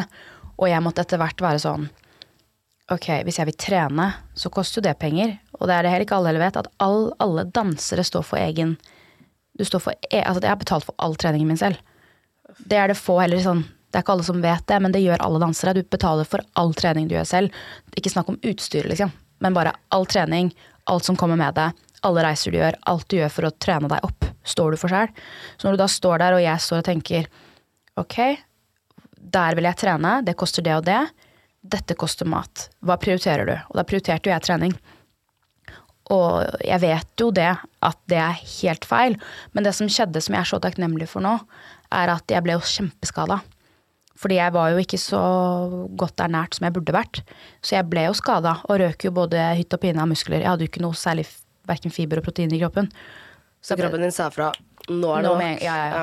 Så jeg ble ordentlig skada, og når du er danseutøver, skal prøve deg å bruke verktøy, altså, og verktøyet mitt er kroppen min, og jeg skader meg og går på krykker, da innser du fort at det der er ikke verdt det. Det der går ikke. Og eller du innser sånn Kroppen er der, men du er et, et, et skjell av et menneske. Du klarer ikke å utøve, du har ikke noe kraft. Jeg får ikke gjort det jeg ville gjort som en danser vanligvis. Jeg får ikke brukt kroppen. Jeg har ikke styrke i å være den danser, det jeg har trent meg selv til å være uten mat.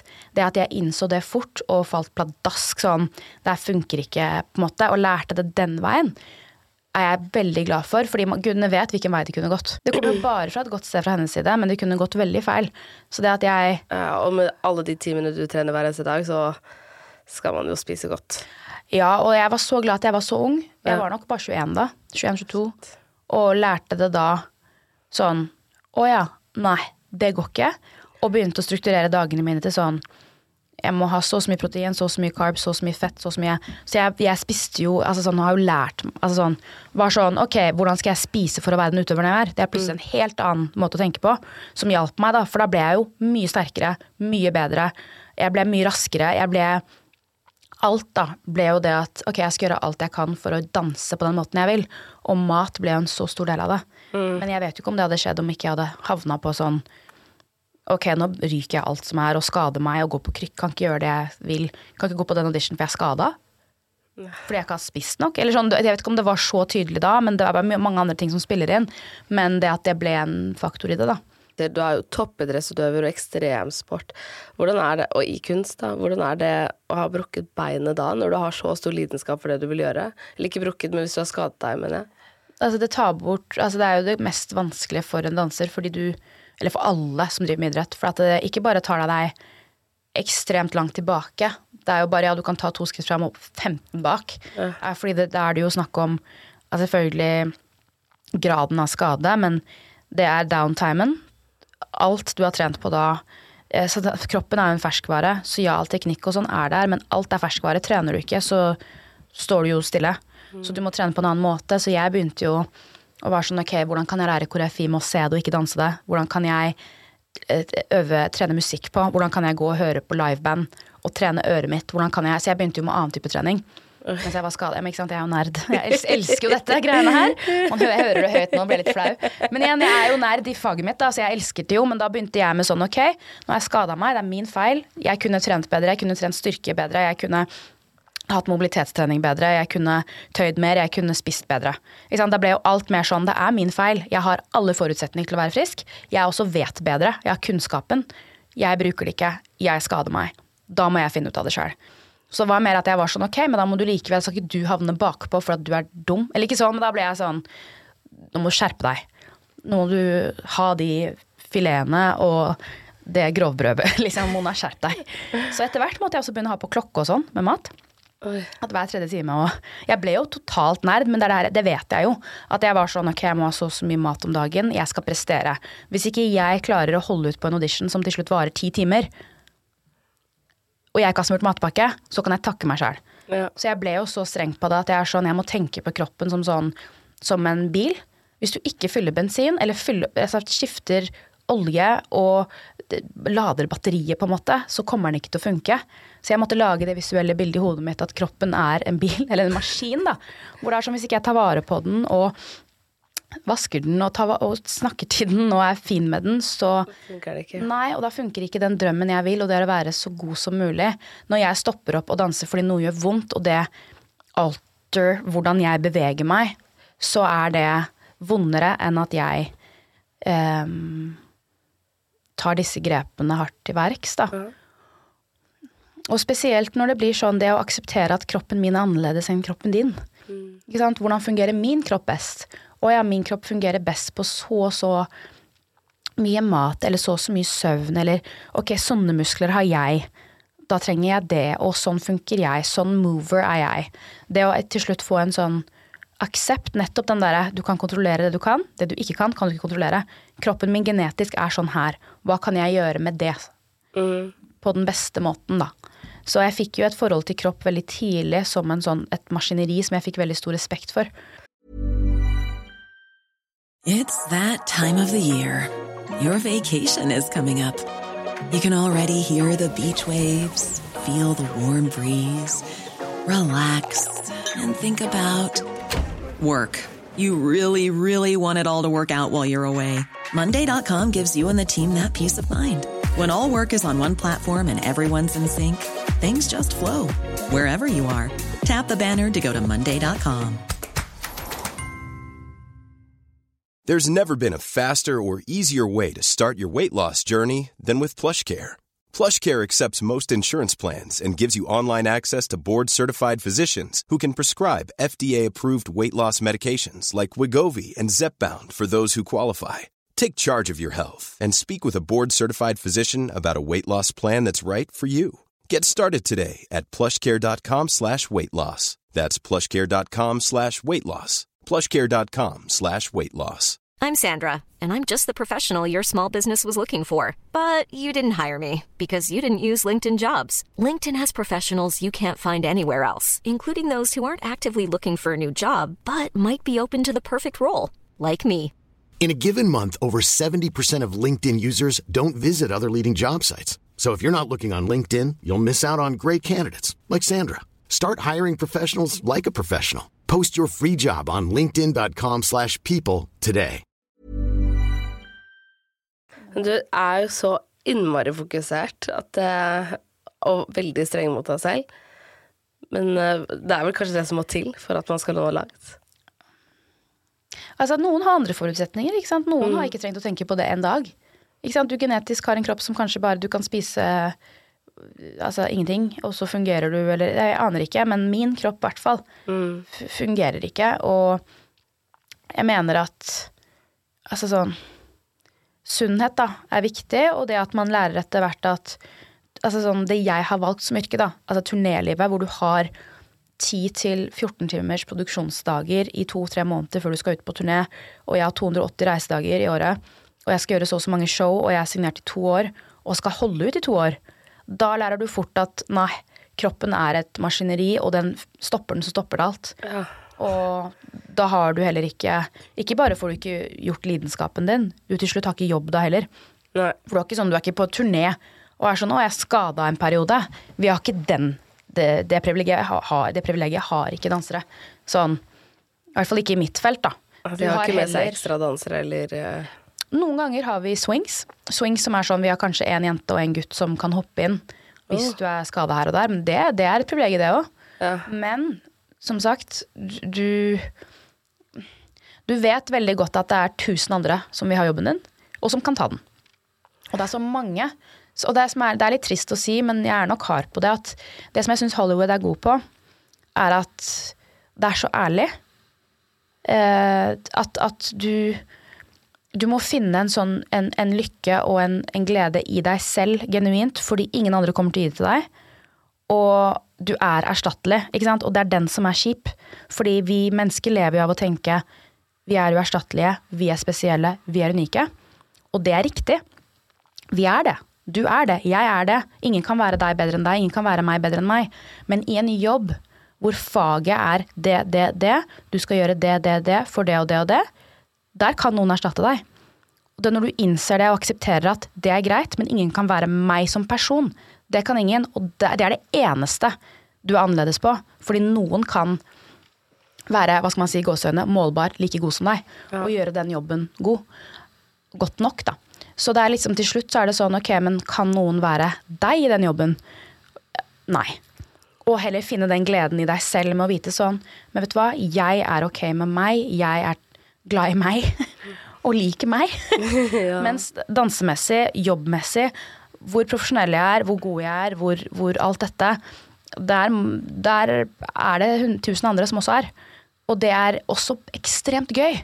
At vi er mennesker hvor det er så mye talent, det er så mye råskap og dyktige mennesker, at det burde gi en glede og sterkere lidenskap for det. Men å vite med deg selv at ja, jeg er kanskje erstattelig i den jobben, men ingen kan være meg, og være ok med det. Eh, tror jeg i hvert fall etter hvert i en verden som er ganske hard og brutal, må, kan i hvert fall gi en liten glede, da. Men jeg lærte i hvert fall veldig mye at Hollywood var så ærlig og ekte. At jeg var sånn, ok, jeg kan kanskje ikke forandre Hollywood, men jeg kan finne ut av hvordan jeg er i Hollywood. Hvordan fungerer jeg her? Um, og hvem vil jeg være her, og hva syns jeg er ok og ikke, på en måte. Hvis du skulle møtt deg selv som 19-åring, 19 år gamle Mona, før hun flytter til LA, hva slags tips vil du gi til henne da? Uff. Åh. jeg tror jeg ville sagt sånn alt du skal igjennom er for en større grunn. Fordi jeg ville ikke tatt noe bort heller fra alt jeg har vært igjennom. Fordi det har virkelig utviklet meg. Så jeg ville nok sagt alt du skal igjennom har en grunn. Fokuser på din sannhet, og den sannheten kommer også til å forandre seg hele veien. Vær ok med det. Sånn Hva betyr det? jeg tror på en måte at, at hvis jeg f.eks. setter regler for meg selv nå, da, og sier at for at jeg skal bli en god danser, så betyr det det og det og det for meg nå, Ja. og så henger jeg meg så opp i det, i de reglene, og så etterpå så har jeg kanskje en annen sannhet, for jeg har lært at det ikke er riktig for meg mer, så er det også ok. Du er ever evolving, du kommer til å forandre deg hele tiden. Det er ok. Sannheter for deg selv forandrer seg, det er greit. Men vær, vær Hør, gi deg selv rom til å føle. Åh, så er det et annet tips jeg hadde sagt til meg selv. Jeg hadde også sagt føl på det du faktisk føler, og bli kvitt det. Liksom, kom det, altså sånn, for jeg tror nok jeg har vært ekspert i å Og jeg sier ikke det med stolthet, jeg sier det nesten med flauhet. Ekspert i å kanskje ikke føle på ting som faktisk skjer. Sånn at hvis det har vært noen vonde ting som har skjedd i livet mitt, Så dissosierer du? ja, jeg har ikke tid, fordi jeg vet at hvis jeg nå skal føle på dette, og jeg er så mange jeg er kontinenter unna, så kommer det til å påvirke alt det som skjer rundt meg. Jeg er på turné nå, hvis ikke jeg skal på scenen om en time, hvis ikke jeg klarer å gjøre jobben min bra. Og da har jeg vært sånn Jeg kan ikke føle på det nå, og pakket det bort. Men det jeg ikke visste på den tiden hvor jeg trodde jeg pakket det bort godt nok, er at kroppen husker alt. Og det slapper deg i ansiktet tilbake. Um, Har det gitt deg en backlash nå? Masse. Hvor jeg nok tenker mer sånn hvis du føler på noe. Det hadde jeg sagt til meg selv som 19-åring. Føl på det. Det går bra. Føl på det. Tør å være lei deg og sint og redd og Det går bra. Heller føl på det og bli kvitt det fra kroppen din enn å eh, ha sånn forsvarsmekanisme med at du bare skal være sterk og ok, og du forbinder det med noe som er bra. Når det i lengden egentlig ikke er det. At det er sjelden det hjelper å bare liksom pushe seg gjennom Mm. ting og ikke kjenne på det. For det ligger der jo alltid. Det gjør det. Og så tenker jeg sånn, det er ikke nødvendigvis at jeg hadde trengt å Det er veldig fint hvis man kan snakke med mennesker rundt seg og sånn, men det er ikke alltid man trenger det. Men så lenge du i hvert fall gir deg selv også den respekten og den, det rommet til å være sånn, men nå føler du deg egentlig sånn og sånn. Føl det, da. Og så kan du gå Og tørre å gå inn i de følelsene og kjenne at det ikke ødelegger deg. Ja. At det er Ok, dette her er også en følelse, akkurat som å være glad eller sint eller sjalu, lei seg. Alt sammen er like store følelser, og så Mm. bare Ok, det her er ikke så skummelt. Jeg overlever jo, jeg rakner jo ikke, og så blir man jo glad igjen òg. Ja, ja. Man føler jo at man aldri kommer til å bli glad igjen hvis man kjenner på ordentlig tunge ting. Ja. Jeg vet ikke hvordan du, om hvordan du er da, men føler du noen ganger sånn at det er Si hvis du er, noe, du er lei deg, da, eller noe har skjedd i livet hvor du er knust. Kan du noen ganger føle på sånn Hvis jeg lar meg selv føle det nå, eller får jeg en klem av en venninne nå, eller en venn, og de nå, og jeg rakner nå, så bare klarer jeg ikke Da, da Jeg har vært Faller. dritredd for det. Sånn at, Ja. at de bare skal se meg bare falle sammen. Jeg vet ikke om det er fordi jeg er så redd for hva de skal tro om meg, men at jeg bare tror at jeg kommer til å miste meg selv, og at jeg aldri Mm. kommer tilbake igjen. Men det har jo aldri skjedd. Mm. Men likevel så blir man redd for det. At man bare sånn Jeg må bare vente til de går ut av rommet, så kan Så jeg, kan jeg, ja. ja. Men er det mer en forsvarsmekanisme for deg selv, da? For du er jo ikke redd at de skal tenke noe. Det er mer for at du skal rakne? Jeg vet ikke. Jeg er kanskje redd for at jeg selv skal rakne foran de. Kanskje jeg er redd for Ja. hva jeg tenker om meg selv hvis jeg gjør det foran de. Det er interessant at vi er sånn. Det er utrolig rart Fordi du hadde nok, jeg vet ikke da, men jeg tenker sånn, hadde noen kommet til meg med noe som er vondt for dem, så hadde det ikke vært et snev av noe tanke om noe annet enn hvordan kan jeg ta deg imot og være her for deg? Hva kan jeg gi deg nå for at du føler deg bedre? Jeg hadde ikke tenkt ett sekund på å ja, hvorfor rakner du foran meg nå? Nei. Som er helt rart at vi tenker om oss selv sånn Ja. Og jeg vil skåne dette mennesket fra at jeg Ja, ja. skal klage eller ha det vondt. for jeg har jo vært der og sett mine, min aller nærmeste venninne har jo sett gå gjennom noe ordentlig Mm. jævlig. Og man er jo bare der sammen i det, og så har jeg jo Mm. tenkt at det er, det er jo dette som er livet. Og alt annet er jo egentlig bare støy. Og så når man kanskje er i en lignende situasjon selv, så blir man sånn ingen skal få se det. Jeg har til og med sittet hos psykologen min og ikke klart å gråte. Jeg var sånn, jeg venter til jeg kommer hjem. Så det er sånn, jeg betaler henne. Hva er det vi driver med? Hvorfor gjør vi sånn? Men har du også hatt det sånn? At du Altså, har liksom utsatt og utsatt det? Ja da. Jeg er utsatt og utsatt i mange år, jeg. Ja. Hvordan har det gått? Nei, det har gått til helvete. Nei, Nei da. Jeg tror bare at jeg, jeg, jeg har nok vært sånn som med årene har lært også mer sånn, sånn som nå til venninner. Så er nok jeg mer sånn For jeg, jeg har nesten aldri ringt en venninne når det er vondt. Jeg har med de siste årene vært mye flinkere til det. Men også hatt Jeg har så ekstremt fine og tålmodige venninner som som ser meg også mye mer, også fysisk, ser meg mye mer nå. Men det har vært en lang periode hvor jeg også har følt at det er så mange år de heller ikke har vært med meg, og jeg har ikke vært med dem. Så jeg har heller ikke kunnet være der for dem som venninner gjennom øh, gleder òg, sånn forelskelser, brudd, øh, flørt Altså sånn Jeg har ikke kunnet være der gjennom sånn øh, venninneliv som heter 'Å, vet du hva, det som skjedde i dag, var det og det og det', og så møtes vi og snakker om det. Jeg har jo ikke vært der i hverdagen i disse tingene. Jeg har vært der når det er sånn 'Å ja, han, å ja, han eksen du var sammen med da vi var 18'. Ok, hvordan var Å ja, det har påvirket at du er sånn nå. Det har ikke jeg vært med på. Så jeg får det som sånn fortelling. Og andre vei. Jeg har heller ikke hatt venninner som har vært der for meg, eller ikke bare for meg, men med meg, i mine prosesser på andre siden av kloden. Så eh, føler jo en sånn Å, hvordan skal jeg ikke catche opp, men sånn Har så behov for å være en venninne på lik linje jeg vil ha dem nærme. Og da har jeg måttet lære sånn, ok, da må jeg også dele. Um, og prøve så godt jeg kan, da. Men jeg er veldig åpen med vennene mine om at sånn, jeg er ekstremt dårlig på det. Jeg er elendig, men jeg prøver, og heller prøver å være sånn Ok, eh, jeg vet med meg selv at veldig ofte når jeg ikke vil dele, så handler det ikke om noen andre enn meg selv. Jeg har ikke, jeg veldig, vil ikke, eller jeg har ikke behov for det. Og så er nok jeg trent fra yrket mitt at jeg, ingen skal kunne se hva jeg føler. Veldig ofte å stå i et rom i de og de timene med de og de jeg jobber med, og at de ikke skal se hva jeg føler når jeg egentlig syns noe. Ja. er jo en treningsgreie. Det er jo en del av min profesjon. Men er det ikke skjebnens ironi at du har blitt trent så mye på å formidle følelser, og så sliter du med å formidle dine egne? Ja. Jeg, jeg kan formidle alt og ærlig på en ekte måte gjennom dans, og det er det mest klisjé du får det. Men det er det eneste stedet jeg føler at jeg kan Det var fra barna av òg. Hvis jeg hadde det vanskelig og sånn, så kom det i dansen. Og jeg brukte det sånn ok, hvis jeg er lei meg eller sint eller syns mamma er teit nå, liksom. Alt kom i dansen. Det var ikke i å snakke om det. Det var det ikke.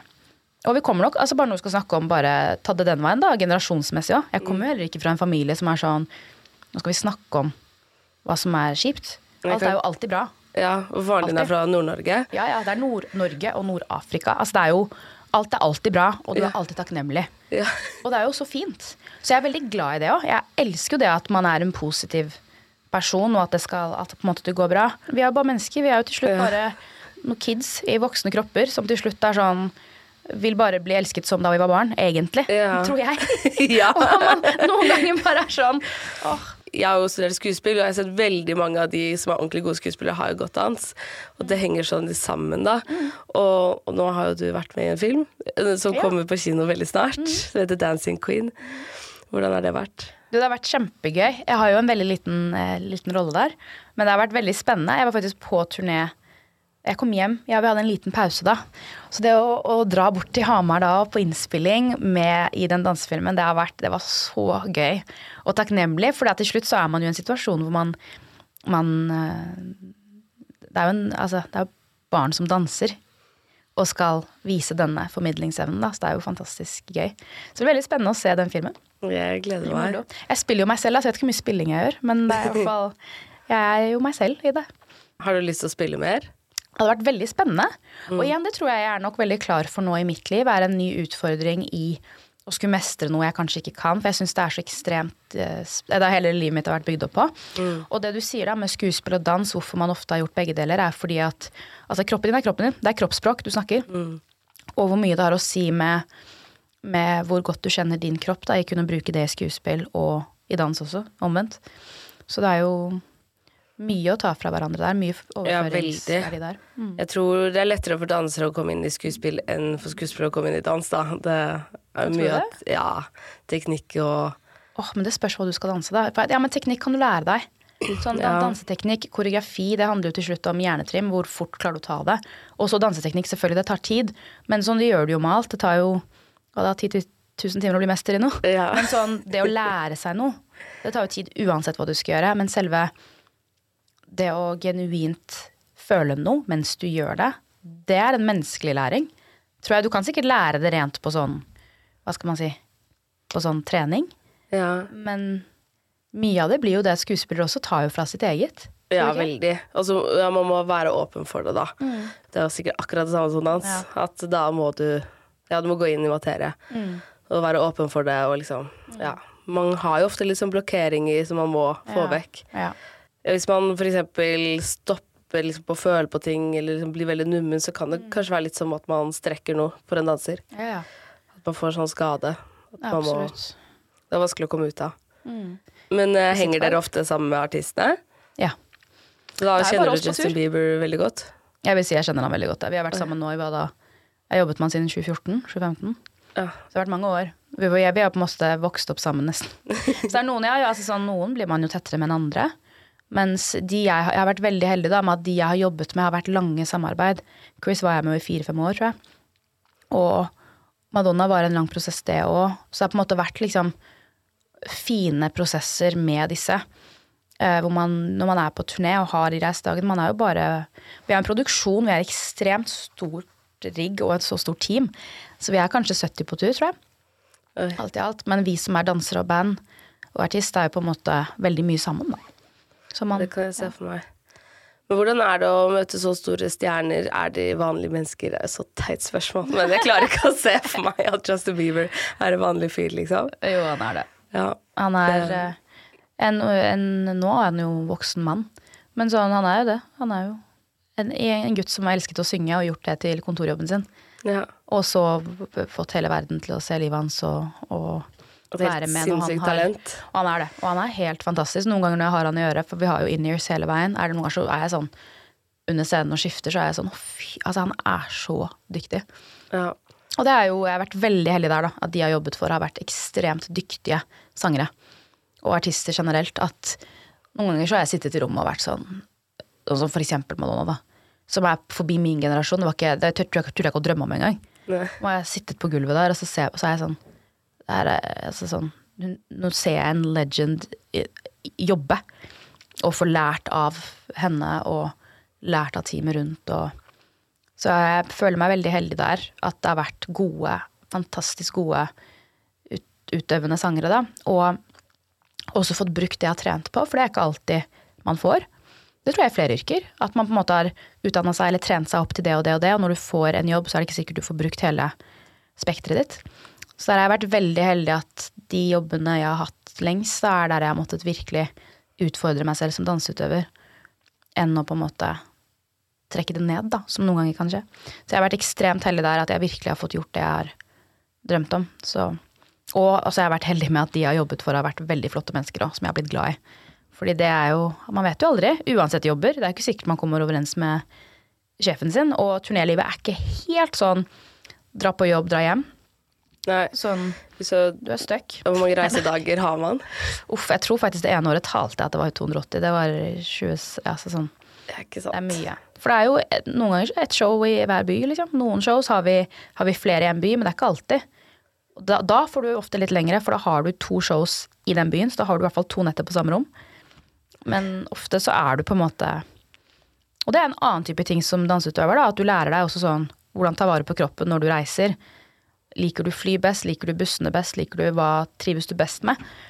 Og ja, å fly for en danser, med, med alt det som skjer i lufta, hovne bein, og sitte i seter og eh, ikke sant? Det er et helt annet fa altså sånn faktum som man, ja, man glemmer litt, da. Ja, hvis du skal fly mye. Det er jo ikke snakk om én gang eller to ganger, men Nei, nei, det er annenhver hver dag. dag. Ja. Hver tredje dag eller annenhver dag. Og det å være sånn ok, etter showet, dra hjem til hotellet, sove, dra på fly. Hva gjør du med kroppen? Trener du før? Trener du etter? Jo, du burde kanskje trene begge deler, fordi du må få i gang sirkulasjonen. Du skal ha show dagen etter igjen. Hvordan Ikke sant? Så det er jo så mange ting du må legge opp til. Og så øh, hva, hvordan, hva gjør du etter show? Tøyer du, trener du, sykler du, hva gjør du før du setter deg på bussen og skal være der? Heldigvis bussene våre, da. Jeg vil nok si altså fly versus buss. Så trives jeg best med bussene våre. Det gjør jeg. Men det handler nok om at vi har øh, En ting er at det er på bakkenivå, så du får ikke den de svære leggene og kropp, altså alt det vannet i kroppen som kommer. Og vi har jo da ofte bussene våre da har ofte på en måte Du har en stue bak, og så har du sengene våre. Så du kan ligge strakt ut og tøye og bøye som du vil, og ligge og se på serier og, og få en god natts søvn. Og så har du stuen foran, da, som også er ganske Det er mye plass. Og så har du kjøkken og sånn. Så du kan på en måte preppe både maten din der, ha nok eh, tilstrekkelig med god næring der. Og du kan ligge strakt ut. Det kan du ikke på Også bagasjegreiene er også en greie på turné. Ja. Istedenfor å lempe alt inn på flyene og sånn. Og security og sånn, selv om vi er veldig glad i security på fly. Men det med bussene at du bare Du ender opp med å Det er jo et hjem på hjul. Fordi hotell forandrer seg, det er nytt rom der og der, det er ditt Alt forandrer seg hele tiden utenom bussen. Den er lik hele veien. Så den er på en måte et hjem. Som blir sånn, du legger ting steder og, og lager din egen bank til sånn Har du med sånne egne bilder og sånn? Vet du hva, jeg lager faktisk Jeg har kjøpt, hadde kjøpt sånn lite lys som lager sånn stemningslys inni banken min der. Kjøpt sånn ekstra pledd og en liten sånn altså Du lager det litt sånn som en leilighet, for det er jo mange, mange måneder hvor du lever Ja. sånn, da. Ja, shit. Og så var det syv år du hadde jobbet med Justin Bieber. Ja, noe sånt. Oh, wow. Det, og dere er samme crew nesten hele tiden? Eh, noen ganger forandrer noe seg. Ja. Sånn som nå, så var det en stor forandring som var nytt for noen av oss som har vært med han lengst. Uh, og det handler om at etter korona så var det noen som fikk sånn Vil et annet kapittel, har gjort dette lenge. Uh, er utøvere som har holdt på proft i mange, mange år og bare ville gjøre noe nytt. Som er fullt forståelig. Så vi ble en del nye, og så er vi noen av oss som har vært med hele veien, da. Ja. Så det er veldig Man blir jo en, en liten gjeng av det òg. Oi. Men hvordan har det vært å reise med han hele denne veien? Han har jo hatt en veldig stor reise. Altså, det har jo vært helt vanvittig å reise med noen, altså en av verdens største artister. For han er ikke bare altså Rent dansemessig er det jo fantastisk, for han har veldig mye danse... Han har et danseshow. Altså vår forrige turné, ikke den vi gjorde nå, men vår forrige. Jeg tror jeg danset i 19 nummer av 24. Så det var et drittungt show.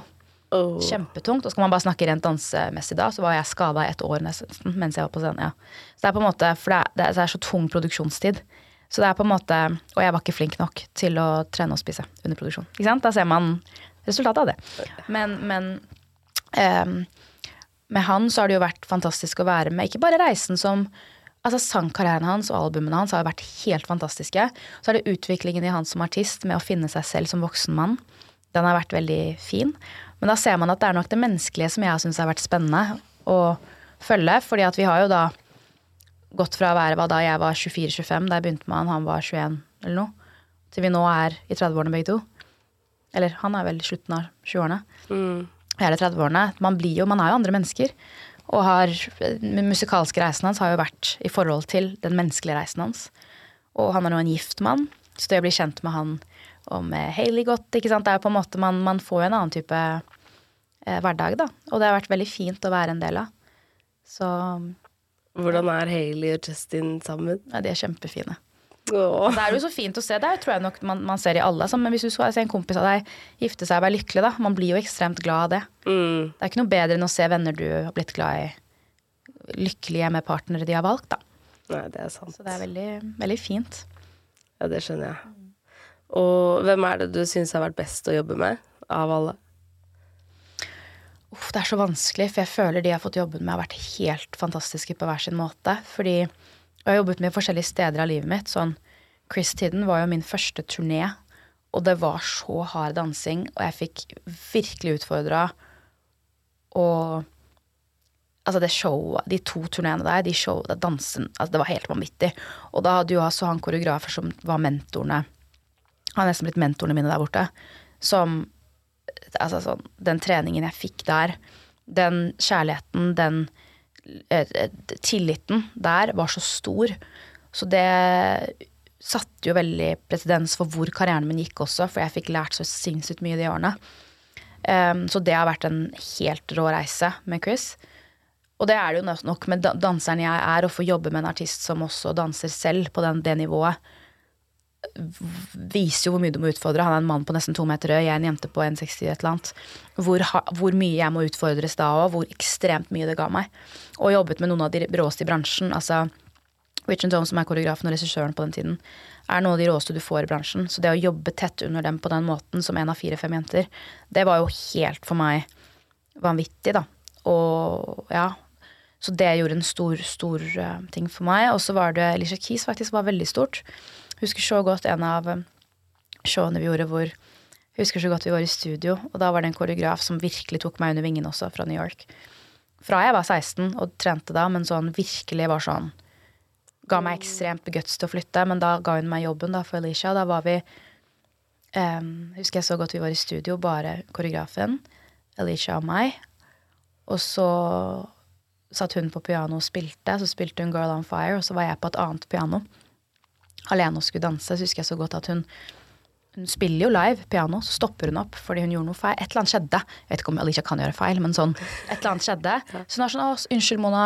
Jeg må bare' Og så var jeg sånn det er helt vanvittig nå at du spiller på ordentlig det vi skal gjøre nå, og du er så dyktig i faget ditt, og her driver jeg og koreografen og prøver å finne ut av bevegelsesmønsteret for å uttrykke din sang som du synger live her. nå. Altså Det er bare så vanvittig følelse av å være i et rom på den måten. Oh, og utvikle og stå i det på den måten. Da. Ja, det skjønner jeg. Og så selvfølgelig alle årene med Bieber. Det føler jeg nesten ikke altså, sånn, For det har vært så lenge, og det har vært så stor del av uh, Altså, åtte år er lenge. Mm. Og så selvfølgelig, da. Superbowl er jo en stor, stor ting. Ja, fy faen. fordi det, det, for meg var også så veldig sånn, det turte jeg nesten ikke å drømme om, fordi Superbowl gjennom en artists karriere er sjelden i seg selv. Sånn for eksempel Bieber har jo ikke gjort Superbowl ennå. Rihanna gjør sin nå. Ja. Folk gjør det så sent i karrieren sin fordi det er så, det er så ekstremt stort for dem òg. Ja. At det er noe de nesten venter med.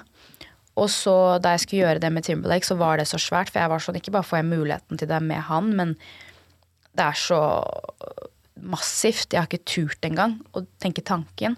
Nå står jeg her med en av verdens største, som jeg så opp til som barn på jenterommet, og skal Shit. danse til Rock Your Body, på en måte. Og Oh my god. Nei, det var Ja.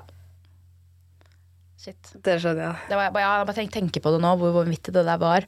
Og det var sånn ut av meg selv-opplevelse på den måten. Og det, det som også er spennende med det Superbowl, var så Det er jo like, det er så stort for artisten òg. Så det å føle på han eldste Justin, da, sin, sin uh, følelse der, hvor mye det betyr for han, da. Gjøre en, en 360 performance der å få være en del av det, det var gigantisk for meg. Så det er på en måte, Og så kan man ikke snakke om dette uten å snakke om Madonna og tiden med henne. Og, så jeg på en måte klarer ikke å velge hva er den største velge favorittbarnet. Det, ja, for ja. alt har hatt så mye å si, og alt jeg har fått utvikle meg så ekstremt, og alt jeg har trent på, har jeg på en måte fått brukt hos alle, da. Så ja. jeg har følt meg veldig sånn på riktig sted med de jeg har fått jobbet for, og føler meg så heldig at jeg har ingen sånne skrekkhistorier. For at du kan, du kan ha et, et, stort sånn bilde av en artist du kanskje ønsker å jobbe med. Og veldig ofte bunner jo det i da, igjen lidenskapen i musikken. Alt handler jo om musikk her. Det er mm. Musikk og dans går jo hånd i hånd, så man tenker ofte den artisten med den musikken, det uttrykket, der vil jeg jobbe, der passer jeg inn. Så kan du til slutt ende opp der med å være sånn Dette var et mareritt. Og jeg har dessverre kollegaer som har mareritthistorier om visse artister. Og jeg er så heldig. Jeg har ikke, jeg har sånn, alle jeg har fått jobben med, har blitt noen jeg til slutt kaller en venn, på en måte. Oh. Og har satt pris på, følt meg satt pris på. Følt meg respektert, satt pris på. Følt meg valgt for meg. Og det tror jeg også har vært viktig for meg. at Jeg har vært dansen i første omgang, ja, men så har det til slutt vært på personlig nivå, da. Fordi det får glemme litt noen ganger i det yrket jeg har valgt, og det er ikke all dans. Det er det at jeg har jo valgt å jobbe for privatpersoner. Alle disse menneskene er jo privatpersoner. Så det er jo deres show. Jeg har jo valgt et bakdanseryrke, som betyr at hva enn disse menneskene vil på privaten, goes. Så hvis de for eksempel ikke Det kan gå så langt som at hvis ikke de liker meg, så trenger ikke jeg være der. Uansett hvor riktig jeg er på papiret på en måte for jobben. Så det kan være så lett at på en måte du bare Jeg har stått i rom hvor plutselig forsvinner en danser, og så kommer det inn en ny. Ja. Um, på, på, I løpet av en halvtime. Og det er så vondt og så vanskelig og sårt. Og, og sånn er det. Oh, shit. Og man glemmer det. At du jobber for private mennesker. Du kan føle og tenke hva du vil, men det er til slutt at du forvalter deres Eller ikke forvalter, du er med på deres show her, og du må passe inn i deres verden. Og du er heldig hvis du på en måte føler deg valgt som deg. Mm. Og det har jeg følt, og der er jeg veldig heldig, for det, det er ikke en selvfølge. Det tror jeg nok i mange jobber. Man må til slutt tilpasse seg der man jobber. Alle selskap, tror jeg. Ja, ja. Men hvor du føler at du virkelig kan utfordre deg, og de liker deg for deg, eller setter pris på deg for deg i jobben, da. Så gjør jo det ekstremt mye, tror jeg.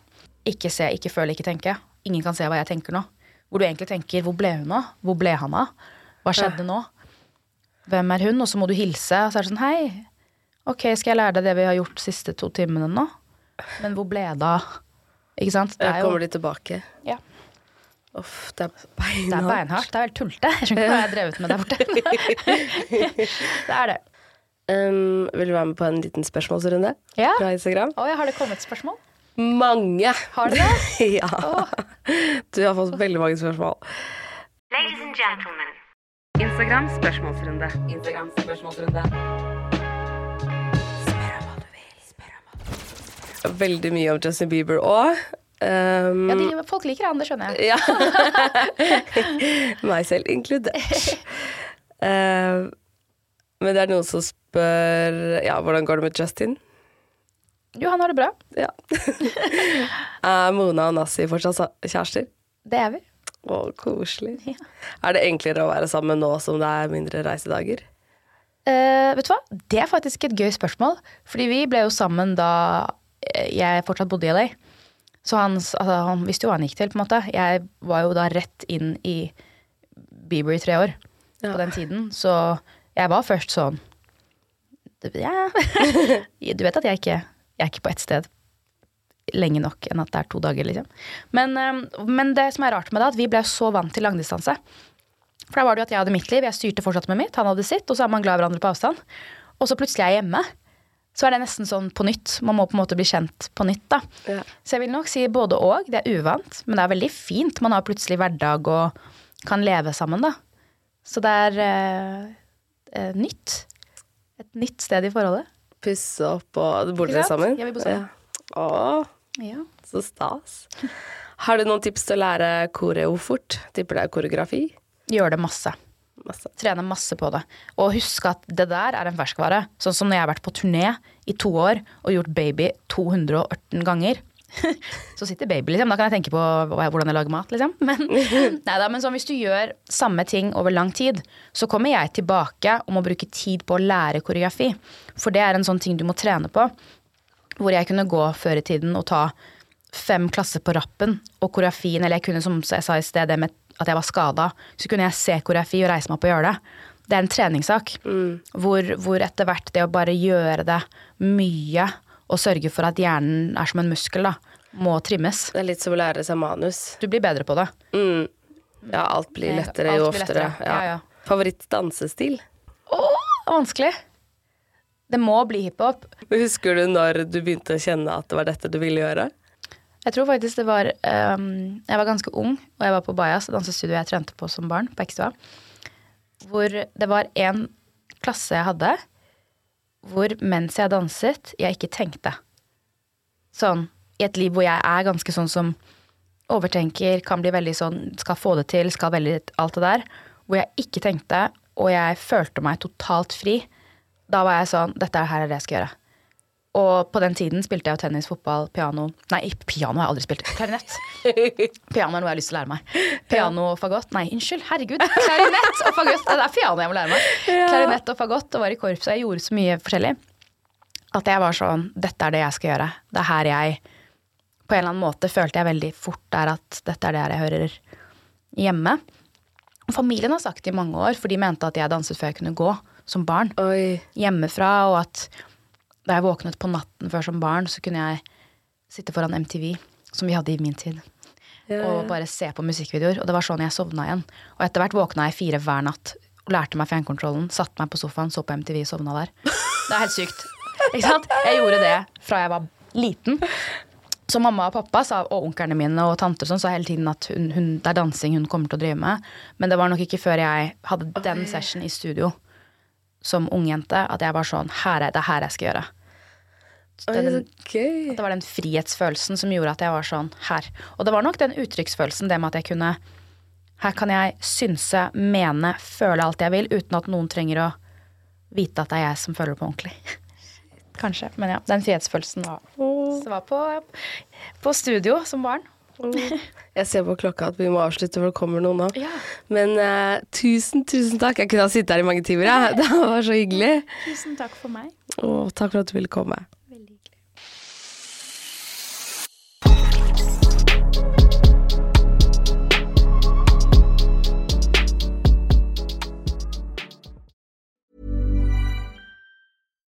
Hi, I'm Daniel, founder of Pretty Litter. Cats and cat owners deserve better than any old fashioned litter. That's why I teamed up with scientists and veterinarians to create Pretty Litter. Its innovative crystal formula has superior odor control and weighs up to 80% less than clay litter.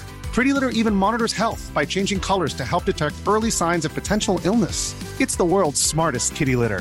Go to prettylitter.com and use code ACAST for 20% off your first order and a free cat toy. Terms and conditions apply. See site for details. Planning for your next trip?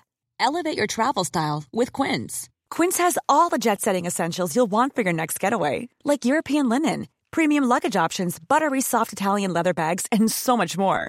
And is all priced at 50 to 80% less than similar brands. Plus, Quince only works with factories that use safe and ethical manufacturing practices. Pack your bags with high-quality essentials you'll be wearing for vacations to come with Quince. Go to quince.com slash pack for free shipping and 365-day returns. Even when we're on a budget, we still deserve nice things. Quince is a place to scoop up stunning high-end goods for 50 to 80% less than similar brands. They have buttery soft cashmere sweaters starting at $50, luxurious Italian leather bags, and so much more. Plus, Quince only works with factories that use safe, ethical, and responsible manufacturing. Get the high-end goods you'll love without the high price tag with Quince. Go to quince.com slash style for free shipping and 365-day returns. Tusen takk for at du hører på 730-podden. Hvis du har lyst til å være veldig kul, så er det bare å legge igjen fem stjerner. Og da blir jeg veldig glad, fordi det er jeg som lager alt til denne podden. Og jeg trenger masse gode stjerneanbefalinger for å kunne be sjefen min om litt høyere lønn. Så det hadde vært veldig fint. Jeg slipper nye episoder hver eneste tirsdag. Og hvis du ikke har hørt alle ennå, så er det bare å spole tilbake i biblioteket. Og trykker du på følg, så kommer alle de nye episodene rett inn i spilleren sekundet de blir sluppet. Send meg gjerne en DM hvis det er noen du har veldig lyst til å ha som gjest. Og husk at vi alltid poster spørsmålsrunder på Instagram Story, så da kan du få med spørsmålet ditt i neste episode hvis du vil det. Ha det bra!